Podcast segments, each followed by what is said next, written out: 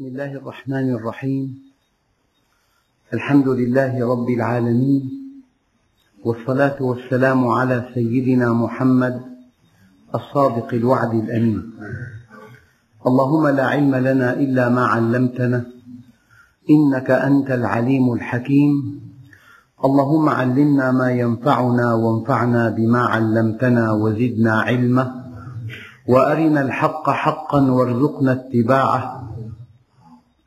وأرنا الباطل باطلا وارزقنا اجتنابه واجعلنا ممن يستمعون القول فيتبعون أحسنه وأدخلنا برحمتك في عبادك الصالحين. أيها الإخوة الكرام مع الدرس الرابع والأربعين من دروس سورة النساء ومع الآية الرابعة والتسعين وهي قوله تعالى يا أيها الذين آمنوا إذا ضربتم في سبيل الله فتبينوا. ولا تقولوا لمن ألقى إليكم السلام لست مؤمنا تبتغون عرض الحياة الدنيا فعند الله مغانم كثيرة.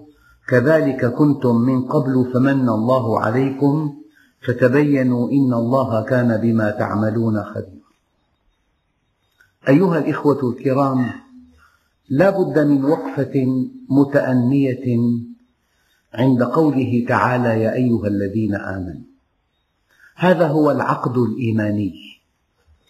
أنت حينما آمنت أن الله سبحانه وتعالى خالق ورب ومسير. وأنت حينما آمنت أن أسماء الله كلها حسنى. وحينما آمنت أن منهجه منهج لا يأتيه الباطل من بين يديه ولا من خلفه. هذا هو العقد الإيماني. فعليك أن تتحرك لطاعة الله مبدئيا من دون أن تبحث عن علة الأمر وعن حكمته. لو بحثت عن حكمته وأنت موقن أنه أمر لا شيء عليك. لكن حينما تعلق تطبيق هذا الأمر على معرفة حكمته أنت عندئذ لا تعبد الله ولكن تعبد مصلحتك. أضرب لكم مثلا. إنسان يشرب الخمر. ثم اكتشف أن التشمع قد تفشى في كبده وأنه على وشك الموت وأنه لا بد من استئصال ثلثي كبده وأنه إذا امتنع عن شرب الخمر فورا لعل الكبد ينمو ويعيد بناء نفسه ويعيش حياة سليمة. الآن هذا الشارب يمتنع عن شرب الخمر. هل يمتنع تعبدا لله عز وجل؟ إطلاقا. هو يعبد مصلحته. لما أيقن أن بقاءه متوقف على الامتناع عن شرب الخمر ترك الخمر. يجب أن نفرق بين إنسان لا يأتمر ولا ينتهي إلا إذا وجد أن مصلحته محققة فيما أمر أو فيما نهى. أنا لست ضد من يبحث عن حكمة الأمر. لا ما في مانع. لكن حينما تتجه إلى تعليق التطبيق على معرفة الحكمة أنت عندئذ لا تعبد الله. أنت تعبد مصلحتك وتعبد ذاتك. فلذلك قال علماء الأصول علة أي أمر أنه أمر. وكفى. يعني هناك مثلا من يتعمق في موضوع تحريم لحم الخنزير. شيء جيد. ولكن يبني التحريم على علل علمية يبنيها.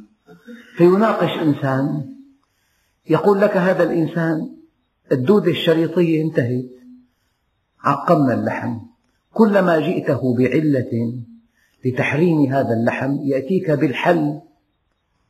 فلو جاءت الحلول مناقضة للعلل التغى التحريم.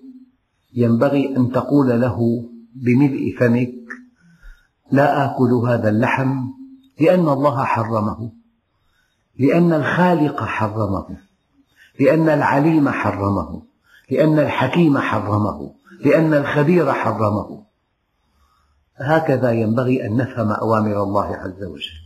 علة أي أمر أنه أمر. وأعيد على أسماعكم قصة أرويها كثيرا أن عالما من الشرق يحاور عالما في أمريكا. حول تحريم لحم الخنزير. بعد أن شرح له ساعات وساعات عن مضار أكل لحم الخنزير قال له هذا العالم المسلم حديثا وكأنه أشد فقها ممن يحاوره. قال له كان يكفيك أن تقول لي إن الله حرمه وكذا أنت مع طبيب تثق بعلمه. يقول لك دع الملح تترك الملح. حينما يعطيك أمرا من تثق بعلمه من تثق بخبرته. فهنا يا أيها الذين آمنوا ما كان الله عز وجل ليوجه الخطاب بالأمر أو النهي إلا للمؤمنين؟ أما الذي لم يؤمن بالله ولا بحكمته ولا بعلمه ولا بخبرته أن له أن يستجيب؟ لذلك الله عز وجل يخاطب عموم البشر بكليات الدين. أما دقائق التشريع الأمر والنهي وتفاصيل المحرمات يخاطب الذين آمنوا. يعني هذا مؤمن. أيها الإخوة هذا الكلام ينقلنا إلى شيء يعانيه الدعاة إلى الله. قد تعرض أمر تعبدي أو أمر تشريعي على إنسان ثقته بهذا الدين ضعيفة. مفهوم الألوهية عنده مهتز. إيمانه بالله عز وجل ضعيف. فيعرض هذا الأمر على مقاييس العصر. يقول لك أنا لست قانعا أن أقرض إنسان قرض بلا فائدة. هذا المال له قيمة والوقت له قيمة. أتريدني أن أخسر؟ هذا القرض الحسن ليس موجها لشخص عادي. هذا موجه لمؤمن يعرف ما عند الله من ثواب كبير في الآخرة لو أنه أقرض قرضا حسنا. هذا الأمر موجه إلى مؤمن يعرف ما عند الله من عذاب شديد إذا هو عصى الأمر. هذا الأمر موجه للذين آمنوا.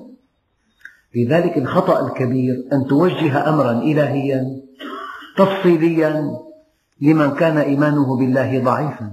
أن توجه نهيا إلهيا لمن كان إيمانه بالله ضعيفا.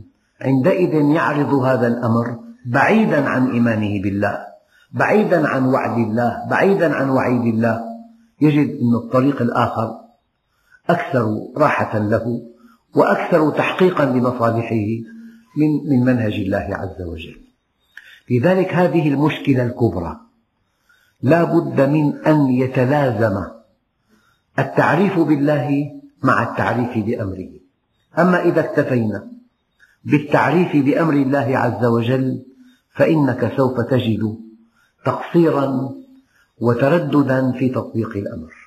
كل هذه المعاني ينبغي أن تستحضرها حينما تقرأ قوله تعالى يا أيها الذين آمنوا يا أيها الذين آمنوا. يا من آمنتم بي. يا من آمنتم بجنتي. يا من آمنتم بالنار الذي أعددتها للعصاة يا من آمنتم بعلمي المطلق. يا من آمنتم بحكمتي المطلقة. يا من آمنتم بخبرتي. يا من آمنتم بمحبتي لكم. إيمانك بوجود الله وإيمانك بوحدانيته وإيمانك بكماله وإيمانك بوعيده وإيمانك بوعده وإيمانك بعلمه وبخبرته وبحكمته تقتضي أن تتحرك نحو تنفيذ الأمر بشكل مباشر دون تردد ودون أن تعلق التطبيق على معرفة الحكمة. أنا مع معرفة حكمة الأمر ولكن بعد أن تستسلم للأمر. يعني في عنا أشخاص ثلاثة. شخص لا يطبق أمر الله إلا إذا انكشفت له حكمته. إذا هو الآن يتحرك نحو مصلحته. كهذا الذي ترك الخمر بعد تشمع كبده ترك الخمر. لا طاعة لله ولا عبادة له ولكن اتباعا لمصلحته. وإنسان آخر الموقف الكامل أنه يبادر إلى طاعة الله لأنه أمر ولأن الله أمره أو لأن الله نهاه من دون أن يعلق تطبيق الأمر أو ترك النهي على معرفة الحكمة. هذا نموذج آخر. النموذج الثالث هو ينصاع إلى طاعة الله دون أن يلقي بالا لحكمة الأمر لكن الله يكرمه بكشف حكمة هذا الأمر فيغدو عالما. يحقق مرتبة العبودية لله بانسياقه لأمر الله ثم يحقق مرتبة العلم بكشف حقيقة هذا الأمر. لذلك بادر إلى طاعة الله وتأكد أن الله سبحانه وتعالى سيكشف لك حكمة الأمر. تجمع بين مرتبة العبادة وتجمع بين مرتبة العلم. ولا شك أن الله عز وجل حينما قال قالت الأعراب آمنا قل لم تؤمنوا ولكن قولوا أسلمنا ولما يدخل الإيمان في قلوبكم. لكن في آية أخرى يبين الله عز وجل أن أعلى مرتبة في الدين أن تستسلم لرب العالمين. إذ قال له ربه أسلم. قال أسلمت لرب العالمين. ولا يخفى أيها الإخوة أن في القرآن الكريم ومضات تؤكد هذا المعنى. فالأمر الذي لا يمكن أن يقبل والأمر الذي لا يمكن أن يفهم والأمر الذي يتناقض مع طبيعة الإنسان ومع إنسانيته. ومع أبوته أن يقول الله عز وجل لنبي كريم اذبح ابنك. قال يا بني إني أرى في المنام أني أذبحك. قال يا أبت افعل ما تؤمر. يعني أعلى درجة من الانصياع لله عز وجل. أن يأتيك أمر لا يقبل ولا يعقل ولا ينطلق من طبيعة إنسانية. فهذا النبي الكريم يعد قمة في الانصياع لأمر الله. نحن في حياتنا هذه كل الأوامر معقولة واضحة بينة حكمتها والناس مقصرون. فكيف إذا كان الأمر غير معقول وغير مقبول؟ لكن الذي وجه إليه هذا الأمر يعرف من هو الله يعرف ما عنده. يعرف فضل الاستسلام له يعرف فضل طاعته. فيا أيها الإخوة أتمنى من كل قلبي أنكم كلما قرأتم في القرآن الكريم يا أيها الذين آمنوا أن تعتقدوا اعتقادا جازما أن هذا عقد إيماني بينك وبين الله. يعني أنا آمرك بتنفيذ هذه الأمور بناء على معرفتك به. بناء على إيمانك بي بناء على استسلامك لي. يا أيها الذين آمنوا. الآن توسع الناس في اعتقادهم أن الصلاة رياضة وأن الوضوء منشط وأن الصيام صحة. هذا كلام طيب ولكن حينما تنطلق لتصلي من أجل تدريب جسمك على الحركات اللينة. وحينما تنطلق لتتوضأ كي تحس بالنشاط. وحينما تنطلق لتصوم من أجل أن تصح أجهزتك أنت والله لا تعبد الله. ينبغي أن تأخذ أمر الله بعيدا عن كل منفعة وعن اتقاء كل مضرة. أن تأخذ أمر الله على أنه أمر. ولا مانع أن تأتيك الفوائد المادية من تطبيق هذا الأمر. لكن المنطلق هو أنك تعبد الله. المنطلق هو أنك تأتمر بأمر الله. المنطلق هو أنك تنتهي عما نهى الله عنه. يا أيها الذين آمنوا إذا ضربتم في سبيل الله حقيقة إذا كما تعلمون تفيد تحقق الوقوع بينما إن تفيد احتمال الوقوع. يعني إذا جاءت إذا قبل جملة يعني هذا الذي سيأتي بعدها لا بد واقع لا محالة لأن هناك معركة بين الحق والباطل أزلية أبدية كما ترون وتسمعون. معركة الحق والباطل قديمة قدم الإنسان. وأبدية إلى أن ينتهي الدوران. فشيء طبيعي وقد يقول قائل يعني كان من الممكن افتراضا وكل ما سوى الله ممكن. الله عز وجل واجب الوجود لكن ما سواه ممكن الوجود. ممكن الوجود وممكن عدم الوجود. ممكن الوجود وممكن أن يوجد على غير ما هو كائن. كان من الممكن أن يجمع الله الكفار جميعا في قارة بعيدة وأن يأتي النبي عليه الصلاة والسلام بهذه الرسالة الفريدة وحوله مؤمنون صادقون طيبون أتقياء صلحاء يسارعون إلى الإيمان به وهم معه. وليس هناك معركة بدر ولا معركة أحد ولا معركة الخندق ولا صلح الحديبية وليس هناك مكر اليهود ولا شيء من هذا ما الذي يحصل؟ أين ثمن الجنة؟ شاءت حكمة الله أن يكون حق وباطل وخير وشر شاءت حكمة الله أن يصطلع الحق بالباطل كي يرقى أهل الحق وكي يرتدع أهل الباطل أو كي يهتدي أهل الباطل حينما يحتكون مع أهل الحق. يا أيها الذين آمنوا إذا ضربتم في سبيل الله.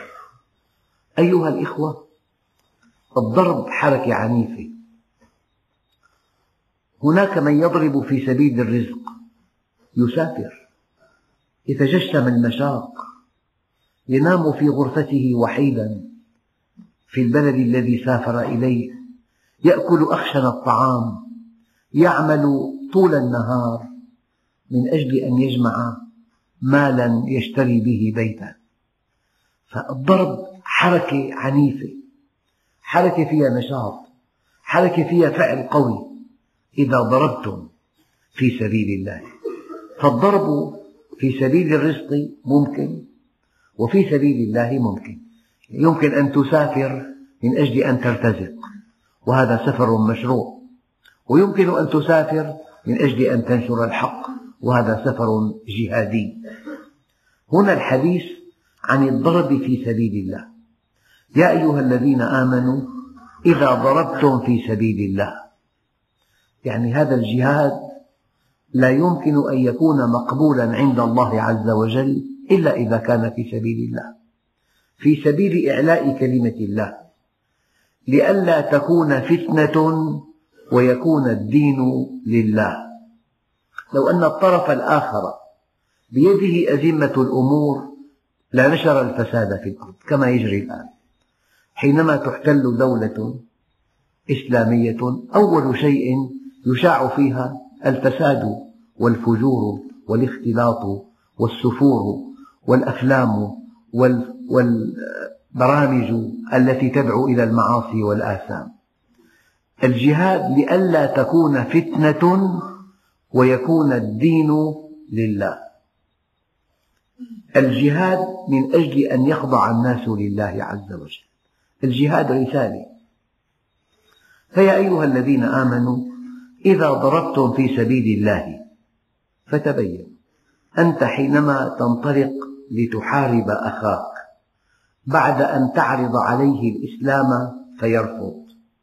وبعد أن تعرض عليه الجزية فيرفض وبعد أن يصر على مقاتلتك وعلى إطفاء نور الله عز وجل هنا شرع القتال. أنت لا تقاتل من أجل أن تكره الناس على أن يكونوا مسلمين. هذا مستحيل وهذا غير موجود في القرآن إطلاقا. لا إكراه في الدين. أنت لا تقاتل من أجل أن تكره الناس على أن يكونوا مسلمين.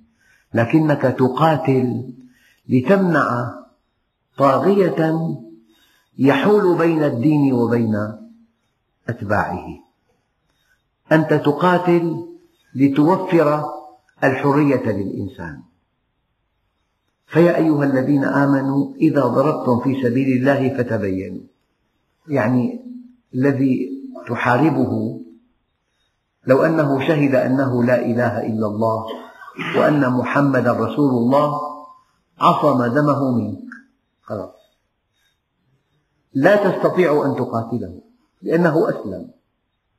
ونحن كما قال النبي الكريم نحكم بالظاهر والله يتولى السرائر. نحكم بالظاهر والله يتولى السرائر. لمجرد أن يعلن هذا الذي تقاتله يعلن الشهادة ينبغي أن تكف عن قتاله. لأن هذا الذي تقاتله إذا دخل في الإسلام أصبح واحدا منكم له ما لكم وعليه ما عليكم. فإن أسلموا فقد اهتدوا فإن أسلموا فإخوانكم في الدين وانتهى الأمر. فلمجرد أن ينطق هذا الذي تقاتله بالشهادة ينبغي أن تكف عنه فورا. وقع بعض الأخطاء. من أصحاب رسول الله وهم كما تعلمون ليسوا معصومين.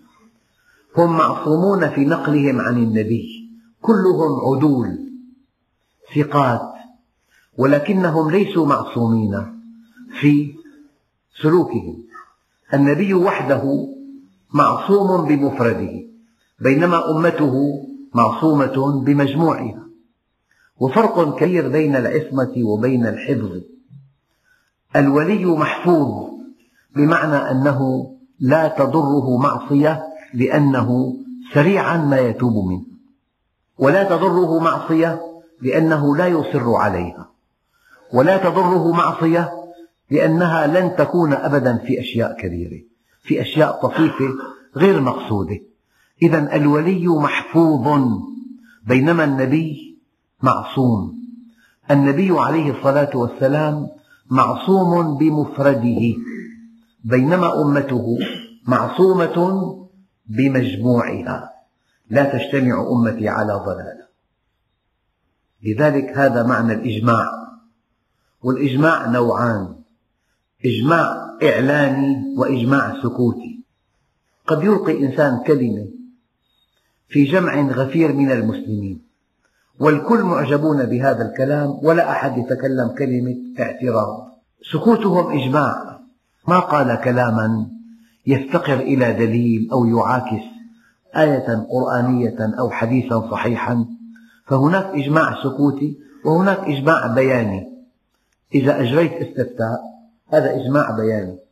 أما إذا سكت المسلمون على دعوة صادقة سكوتهم إجماع سكوتي. فيا أيها الذين آمنوا إذا ضربتم في سبيل الله يعني إذا كنتم في الجهاد القتالي. وكما تعلمون هناك الجهاد جهاد النفس والهوى وهو الأساس. كيف أن للبناء أساسا؟ كيف أن للبناء هيكلا إسمنتيا؟ هذا الأساس والهيكل هو جهاد النفس والهوى. يبنى على جهاد النفس والهوى الجهاد الدعوي. وجاهدهم به جهادا كبيرا. ويبنى على الجهاد الدعوي الجهاد القتالي. إن حالت قوة غاشمة طاغية بينك وبين الدعوة إلى الله. هذه القوة الطاغية الغاشمة أجبرت الناس على الكفر وحملتهم على الشرك وحالت بينهم وبين التوحيد أنت تقاتل هذه هذه القوة الطاغية من أجل أن توفر للإنسان حرية التدين هذا هو القتال. والجهاد يحتاج إلى ولي أمر ويحتاج إلى كيان وله شروط كثيرة ليس هذا الوقت مجال الحديث عنها. يا أيها الذين آمنوا إذا ضربتم في سبيل الله فتبينوا. الحرب مستعرة وكل من وقف أمامك تقتله هذا ليس سلوك المؤمنين. تبينوا.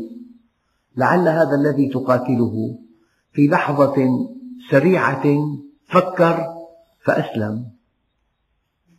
كلكم يعلم قصة سيدنا نعيم بن مسعود. كان زعيم غطفان وجاء لقتال النبي عليه الصلاة والسلام وكان قائد فرقته زعيم غطفان. هو في خيمته عشية معركة الخندق. جرى حوار بينه وبين نفسه. قال يا نعيم أنت ذو عقل. لم جئت إلى هذا المكان لتقاتل هذا الإنسان الكريم؟ هل سفك دما؟ هل انتهك عرضا؟ هل أخذ مالا؟ لم تقاتله؟ أنت ذو عقل يا نعيم؟ لحظة تفكير صادقة وسريعة. نهض من فراشه وتوجه إلى معسكر النبي عليه الصلاة والسلام. دخل على رسول الله صلى الله عليه وسلم فوجئ النبي به. قال له نعيم. قال نعيم. قال يا نعيم ما الذي جاء بك؟ قال جئتك مسلما. زعيم الطرف الآخر. قال أنت واحد يا نعيم. قال لم يعلموا بإسلامي فأمرني بما تريد. قال أنت واحد خذل عنا ما استطعت. وهذا الإنسان الكريم الذي في لحظة تفكير صادقة واضحة وجد أن الحق يقتضي أن يتبع وأن سلامته وسعادته في اتباع الحق وأن هذا الإنسان الكريم نبي كريم. جاء يدعو إلى السلام إلى حقن الدماء إلى حفظ الأموال إلى حرمة الأعراض فدخل عليه مسلما. هل تصدقون أن هذا الصحابي الجليل وحده استطاع أن ينهي هذه المعركة؟ لم يعلموا بإسلامه. فأوغر صدر اليهود على قريش وأوغر صدر قريش على اليهود. واستطاع بذكاء ما بعده ذكاء أن يشق صفوفهم وأن يلغي اجتماعهم على رسول الله. وجاءت الرياح العاتية قلبت قدورهم واقتلعت خيامهم وأطفأت نيرانهم وكفى الله المؤمنين القتال.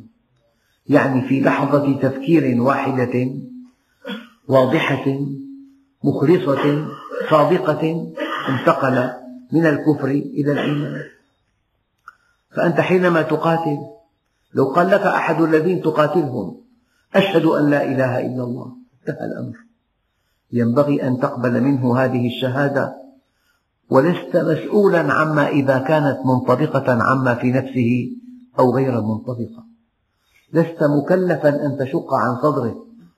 فلذلك غضب النبي أشد الغضب من أحد أصحابه الذين قتلوا رجلا أعلن الشهادة في ساحة المعركة. ثم تبين للنبي عليه الصلاة والسلام أن بينهما بغضاء وشحناء وإحن. فما كان من موقف هذا الذي يقاتل إلا أن قتله على الرغم من إعلان الشهادة. فلذلك النبي أبى أن يستغفر له ومات بعد أيام. وقال بعض علماء التفسير إنها هذه القصة سبب نزول هذه الآية.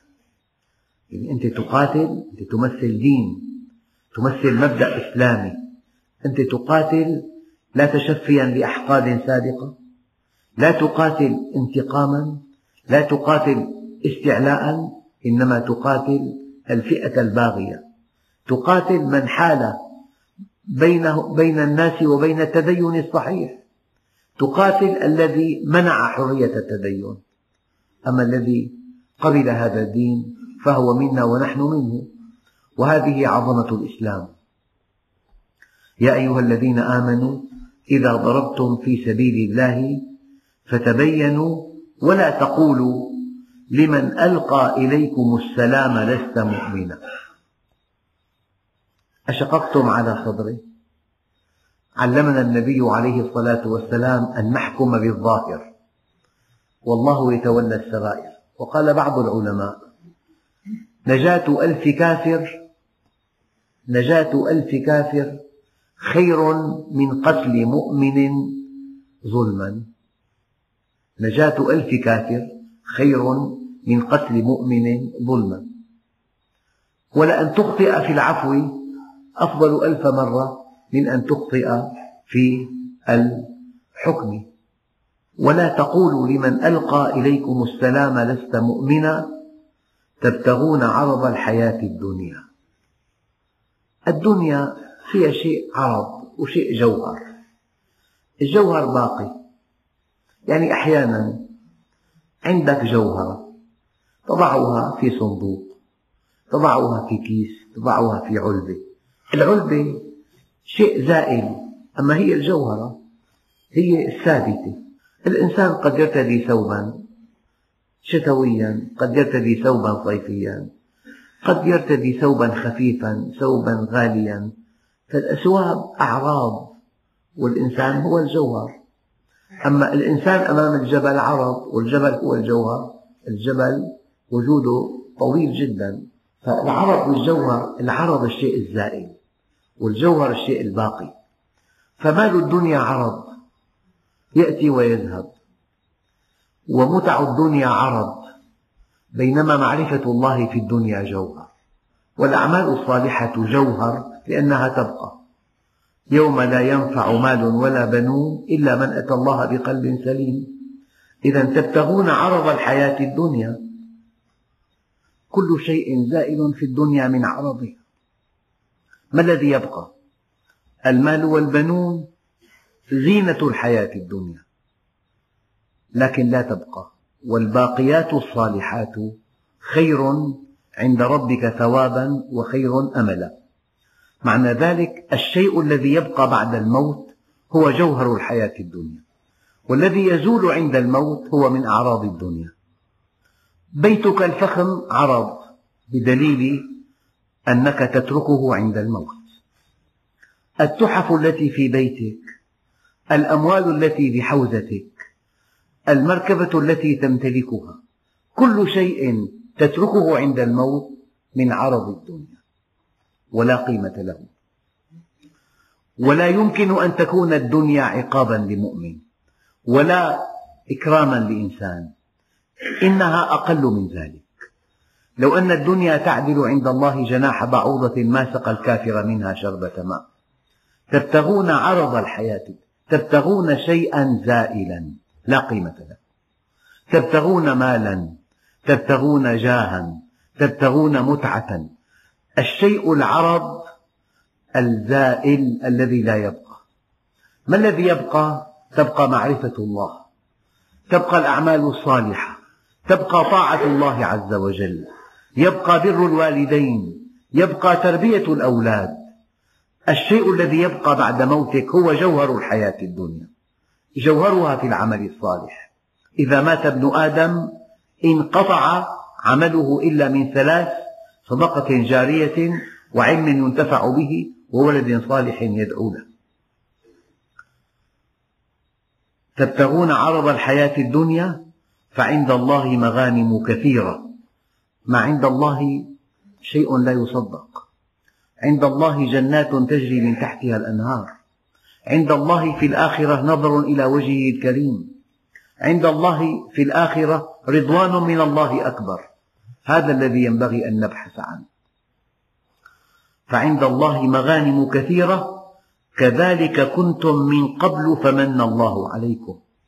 هذا الذي تقتله. وقد نطق بالشهادة. ألم تكن أنت أيها الذي فعلت هذا مشركا مثله قبل أن يأتي محمد عليه الصلاة والسلام؟ من الله عليك بالهدى. فما دام قد اهتدى ينبغي أن تكف عنه.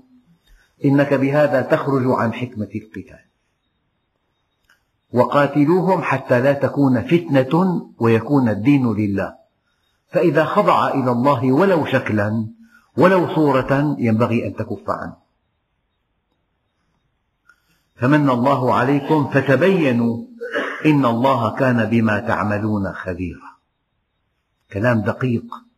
هذا الذي نطق بالشهادة أمامك فلم تقبلها منه بدعوى أنه قالها تقية. هل أنت متأكد؟ لكن لعلك تبتغي أن تأخذ الغنائم منه. إذا الله عز وجل خبير بنيتك من هذا القتل. الله عز وجل خبير بأن بينك وبينه شحناء وإحا في الماضي وأحقاد فتشفيت منه ولم تقبل شهادته. هذا يعلمه الله عز وجل. على كل أفضل إيمان المرء أن يعلم أن الله يعلم. حينما تعلم أن الله يعلم تكف عن معصيته. فتبينوا إن الله كان بما تعملون خبيرا. خبير بالذي تفعله خبير بالبواعث خبير بالخلفية. الإنسان تبرع بمسجد والله شيء رائع جدا ما شاء الله بارك الله به. هل تصدقون أن بعض الذين لا يصلون عندهم أراضي؟ إذا تبرع بمسجد لا بد من تنظيمها وإذا نظمت ارتفع سعرها. من يعلم ذلك؟ الله وحده يعلم ذلك. يعلم الله خائنة الأعين وما تخفي الصدور. لا تخفى عليه خافية. كأن هذه الآية تهديد. فتبينوا إن الله كان بما تعملون خبيرا. يا أيها الذين آمنوا إذا ضربتم في سبيل الله يعني بعد أن تعرضوا الإسلام على الناس فإن رفضوا أن يسلموا تعرضوا عليهم الجزية. فإن رفضوا أن يدفعوا وأصروا على قتالكم وعلى إطفاء نور الله تقاتلونهم. لا لتجبروا الناس على أن يسلموا لا. لتحولوا بين الناس وبين من يمنعهم أن يسلموا. لتوفروا جو الحرية في التدين. إذا ضربتم في سبيل الله فتبينوا. وفي أثناء القتال أحد من الناس نطق بالشهادة. خلاص. عصم بهذه الكلمة دمه منك. ولا تقولوا لمن ألقى إليكم السلام لست مؤمنا؟ تبتغون عرض الحياة الدنيا؟ إما تشفي صدرك منه أو تأخذ ماله غنيمة؟ فعند الله مغانم كثيرة. كذلك كنتم من قبل فمن الله عليكم فتبينوا إن الله كان بما تعملون خبيرا والحمد لله رب العالمين.